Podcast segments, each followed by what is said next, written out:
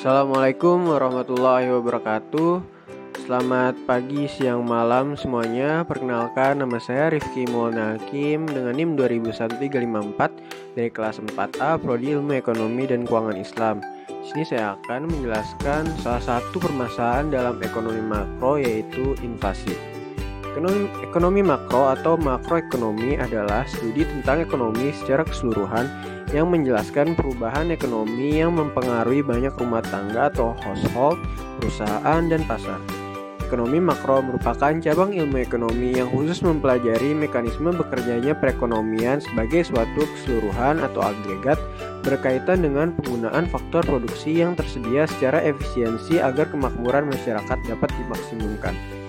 Ekonomi makro dapat digunakan untuk menganalisis secara terbaik untuk mempengaruhi target-target kebijaksanaan seperti pertumbuhan ekonomi, stabilitas harga tenaga kerja, dan pencapaian keseimbangan neraca yang berkesinambungan. Permasalahan makroekonomi terjadi pada setiap negara, baik negara maju maupun negara berkembang. Oleh karena itu, pemerintah mengambil kebijakan makroekonomi agar pembangunan nasional dapat berjalan dengan baik. Salah satu permasalahan yang ada pada ekonomi makro adalah tingkat inflasi. Mengutip dari buku Ajar Teori Ekonomi Makro 2018 karya Satar dan Silvana Kardinata Wijayanti, inflasi adalah naiknya harga komoditas yang disebabkan oleh tidak seimbangnya pengadaan komoditas dengan tingkat pendapatan masyarakat. Kenaikan harga berarti nilai tukar uang terhadap barang dan jasa mengalami penurunan yaitu untuk mendapatkan sejumlah barang atau jasa tertentu harus disediakan uang yang lebih banyak.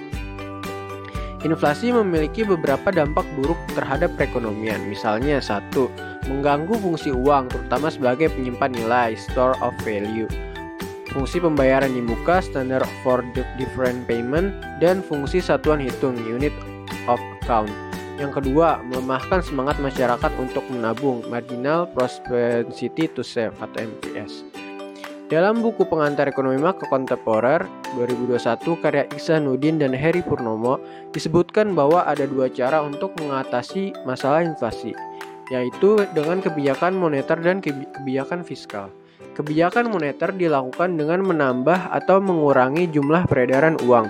Contohnya, penerapan kebijakan suku bunga dan kebijakan operasi pasar terbuka. Sementara itu, kebijakan fiskal dilakukan dengan mempengaruhi penerimaan serta pengeluaran pemerintah. Contohnya, menghemat pengeluaran pemerintah, melakukan pinjaman, dan menaikkan tarif pajak. Mungkin sekian podcast kali ini penjelasan mengenai permasalahan ekonomi makro yaitu tingkat inflasi dari saya. Kurang lebihnya mohon maaf. Bila taufik wal hidayah. Wassalamualaikum warahmatullahi wabarakatuh.